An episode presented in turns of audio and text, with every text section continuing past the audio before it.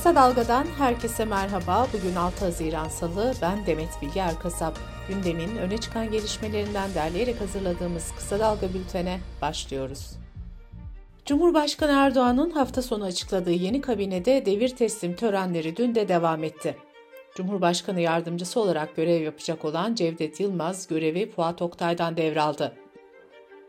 Cevdet Yılmaz yaptığı açıklamada her yaptığımız işte ilgili tüm taraflarla danışmaya, konuşmaya özel önem vereceğiz. Yönetirken temel ilkemiz adalet olacaktır dedi. Dışişleri Bakanı Hakan Fidan da görevi Mevlüt Çavuşoğlu'ndan devraldı. Törende konuşan Çavuşoğlu, en zor coğrafyalarda devletimizin bekasını birlikte koruduk dedi. Hakan Fidan da Cumhurbaşkanı Erdoğan'a teşekkür etti ve milli dış politika vizyonunu ilerletmeye devam edeceğim diye konuştu. Yeni kabine ilk toplantısını bugün yapacak. Gündemde ekonomiye dair başlıkların olması ve yeni Hazine ve Maliye Bakanı Mehmet Şimşek'in de bir sunum yapması bekleniyor.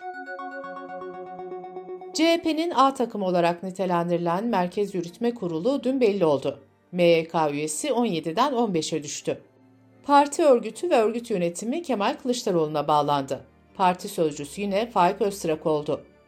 Yerel yönetimler Ahmet Akın'a, sosyal medya yönetimi Eren Erdem'e, hukuk ve seçim işleri de Zeynel Emre'ye verildi.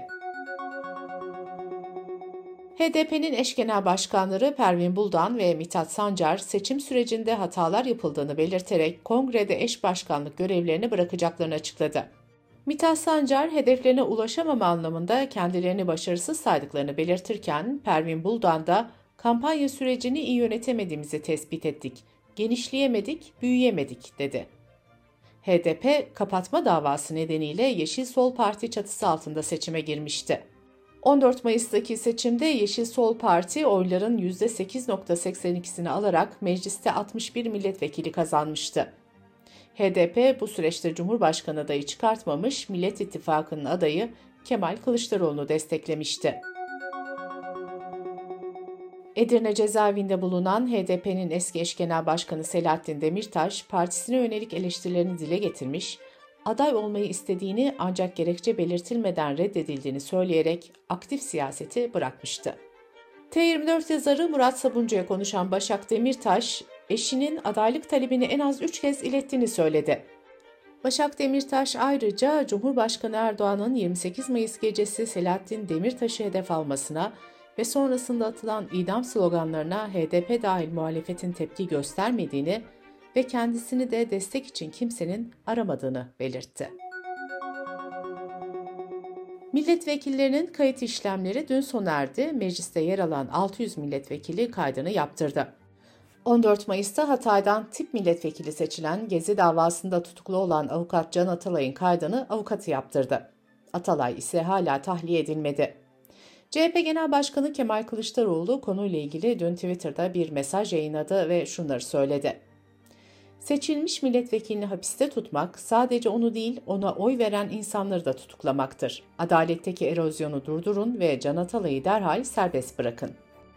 CHP Grup Başkanı Özgür Özel de yarın meclis başkanının seçileceğini belirterek Can Atalay'ın mecliste olmamasının seçimle ilgili meşruiyet sorunu yaratacağını vurguladı. Kastamonu, Samsun, Sinop ve Amasya'nın bazı ilçelerinde kuvvetli yağış, sel ve su baskınlarına neden oldu. Daha önce sel felaketi nedeniyle birçok kişinin yaşamını yitirdiği Kastamonu'nun Bozkurt ilçesinde de dere suları yükseldi, iş yeri ve evleri su bastı. Samsun'un Ladik ilçesinde sele kapılan bir kişi yaşamını yitirdi. Amasya'nın merkeze bağlı Kızılkışlacak köyü yakınlarında da otomobille sele kapılan iki kişiden birinin cansız bedenine ulaşıldı. İstanbul'da 2010 yılında gözaltında işkence gördüğü için intihara sürüklenen Onur Yasercan davasında karar çıktı. Mahkeme 4 polisi kamu görevlisinin resmi belgeyi yok etmesi ve bozması suçundan 6'şar yıl hapis cezasına çarptırdı. Bilirkişi olan sanık ise beraat etti.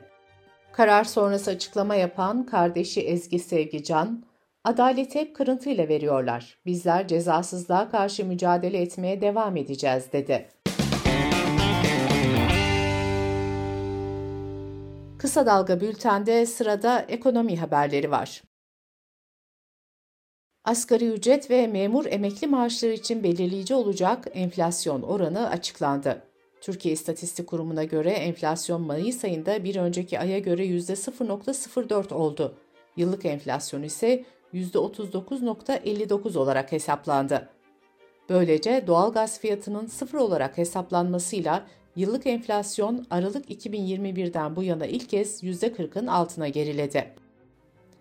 Bağımsız akademisyen ve araştırmacıların oluşturduğu enflasyon araştırma grubu ise doğalgaz fiyatları sıfır olarak hesaplandığında enflasyonu %105.45 olarak açıkladı. ENAG'a göre doğalgaz fiyatları sabit hesaplansaydı da enflasyon %109 olacaktı. TÜİK'e göre Mayıs'ta en fazla fiyat artışı %37.1 ile patateste oldu. En fazla fiyat düşüşü ise sıfır fiyat yöntemi uygulanan şehir gazı ve doğalgazda gerçekleşti. Devrimci İşçi Sendikaları Konfederasyonu Araştırma Merkezi TÜİK'in enflasyon oranına tepki gösterdi. Doğalgazın hesaba katılmaması nedeniyle emekçinin zam oranının düşeceğine dikkat çekilen açıklamada TÜİK milyonlarca emekçinin geliriyle oynadı ifadesi kullanıldı. TÜİK'in enflasyon hesabına bir itiraz da CHP Genel Başkan Yardımcısı Veli Ağbaba'dan geldi. Hesapta doğalgazın yok sayıldığını belirten Ağbaba şunları söyledi. Meğerse bedava doğalgazın parası peşinen memurdan, emekliden, işçiden alınmış. Bu hesaba göre memura emekliye daha zam yapılacak. Fiyatlarda ise daha fazla artış olacak. TÜİK'in açıkladığı enflasyon verileriyle birlikte memur ve emeklilerin 5 aylık zammına dair hesaplamada ortaya çıktı. Memur ve memur emeklilerin maaş zammı her yıl iki kez toplu sözleşme zammına ek olarak 6 aylık enflasyon farkıyla belirleniyor. Memurlar yılın ilk 6 için %8 sözleşme zammı almıştı. Bu oranı aşan fark kadar memura enflasyon farkı verilecek. NTV'nin haberine göre 5 aylık rakamlara bakılınca memur ve memur emeklilerine en az %7.13'lük enflasyon farkı verilecek.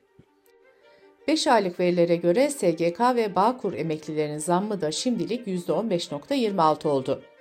Haziran ayı enflasyonu ise Temmuz'un ilk haftası açıklanacak. Böylece memur ve emeklilerin zam oranı da netleşmiş olacak. TÜİK'in enflasyon rakamlarını açıklamasıyla iş yeri kira zam oranı da belli oldu. TÜFE'nin 12 aylık ortalamasına göre zam oranı %63.72 olarak belirlendi. Konut kiraları için %25 tavan uygulaması getirilmişti. Bu uygulama Temmuz'da sona erecek. Geçtiğimiz günlerde yapılan Türkiye Odalar ve Borsalar Birliği 79. Genel Kurulu'nda bir ilk yaşandı ve İzmir Ticaret Borsası Başkanı Işın Su Kestelli, top tarihinin ilk kadın yönetim kurulu üyesi oldu. Kestelli Dünya Gazetesi'ne yaptığı açıklamada şunları söyledi.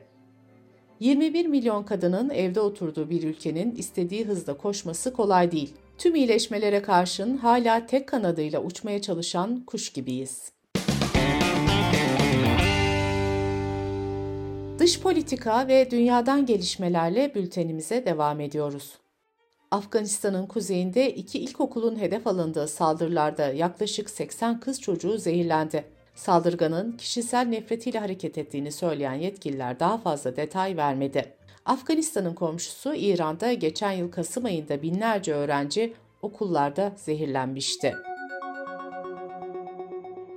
Polonya'nın en büyük muhalefet partisi, Sivil Platform'un lideri ve eski başbakan Donald Tusk'ın çağrısıyla toplanan Polonyalılar hayat pahalılığını protesto etti, özgür seçim ve demokrasi istedi. 8 yıldır iktidarda bulunan aşırı sağcı Hukuk ve Adalet Partisi hükümetine karşı yeter artık ve otoriter bir Polonya istemiyoruz yazılı pankartlar taşındı, sloganlar atıldı. Yaptığı çağrıyla 500 bin kişinin Varşova meydanlarında toplandığını belirten Tusk ise şu açıklamayı yaptı. Onların büyük umudu bizim umutsuzluğumuzdu. Onların gücü bizim güçsüzlüğümüzdü. Artık sona erdi, zafere gidiyoruz. 500 bin kişinin katıldığı belirtilen bu eylem Polonya'da komünist rejimin sona erdiği 1989 yılından bu yana gerçekleştirilen en kalabalık kitlesel gösteri olarak kayıtlara geçti. Birleşmiş Milletler Çocuklara Yardım Fonu'nun açıklamasına göre 2005 yılından bu yana dünya genelinde 120 binden fazla çocuk silahlı çatışmalarda sakatlandı ya da öldürüldü. 2005 yılından bu yana en az 105 bin çocuk silahlı güçler ya da silahlı gruplar tarafından silah altına alındı ya da doğrudan çatışmalarda görevlendirildi. UNICEF İcra Direktörü Catherine Russell, her savaş nihayetinde çocuklara karşı bir savaştır, dedi. Bu arada Ukrayna Devlet Başkanı Zelenski de Şubat 2022'den beri Ukrayna'da 500 çocuğun öldüğünü belirtti. Hindistan'ın Odisha eyaletinde iki yolcu ve bir yük treninin çarpışması sonucu meydana gelen kazada 294 kişi yaşamını yitirmişti. Kazaya ilişkin soruşturma raporu henüz yayınlanmazken Hindistan Sayıştayı'nın 2022 tarihli raporu yeniden gündeme geldi. Raporda ray yenileme çalışmalarına ayrılan bütçenin azaldığı ve bu işlemler için tesis edilen bütçenin bu alanda kullanılmadığı ifade edildi. Kazaların %26'sının bu işlemlerin doğru şekilde yapılmaması sonucu meydana geldiği vurgulandı. Portekiz'de çalışanların haftada 4 gün mesai yapacağı pilot uygulamaya başlandı. Denemeye 100 şirket katıldı. Şirketler sürecin sonunda verimlilik ve maliyetlerle ilgili rapor hazırlayacak. Daha önce de Belçika, İsveç, Finlandiya ve İspanya haftada 4 günlük mesai denemişti. Bültenimizi kısa dalgadan bir öneriyle bitiriyoruz. Gazeteciler Ayşe Yıldırım ve Sedat Bozkurt'un hazırlayıp sunduğu Politikest'te seçimlerin ardından muhalefetin yol haritası değerlendiriliyor. Politikest'i kısa dalga.net adresimizden ve podcast platformlarından dinleyebilirsiniz. Gözünüz kulağınız bizde olsun. Kısa Dalga Medya.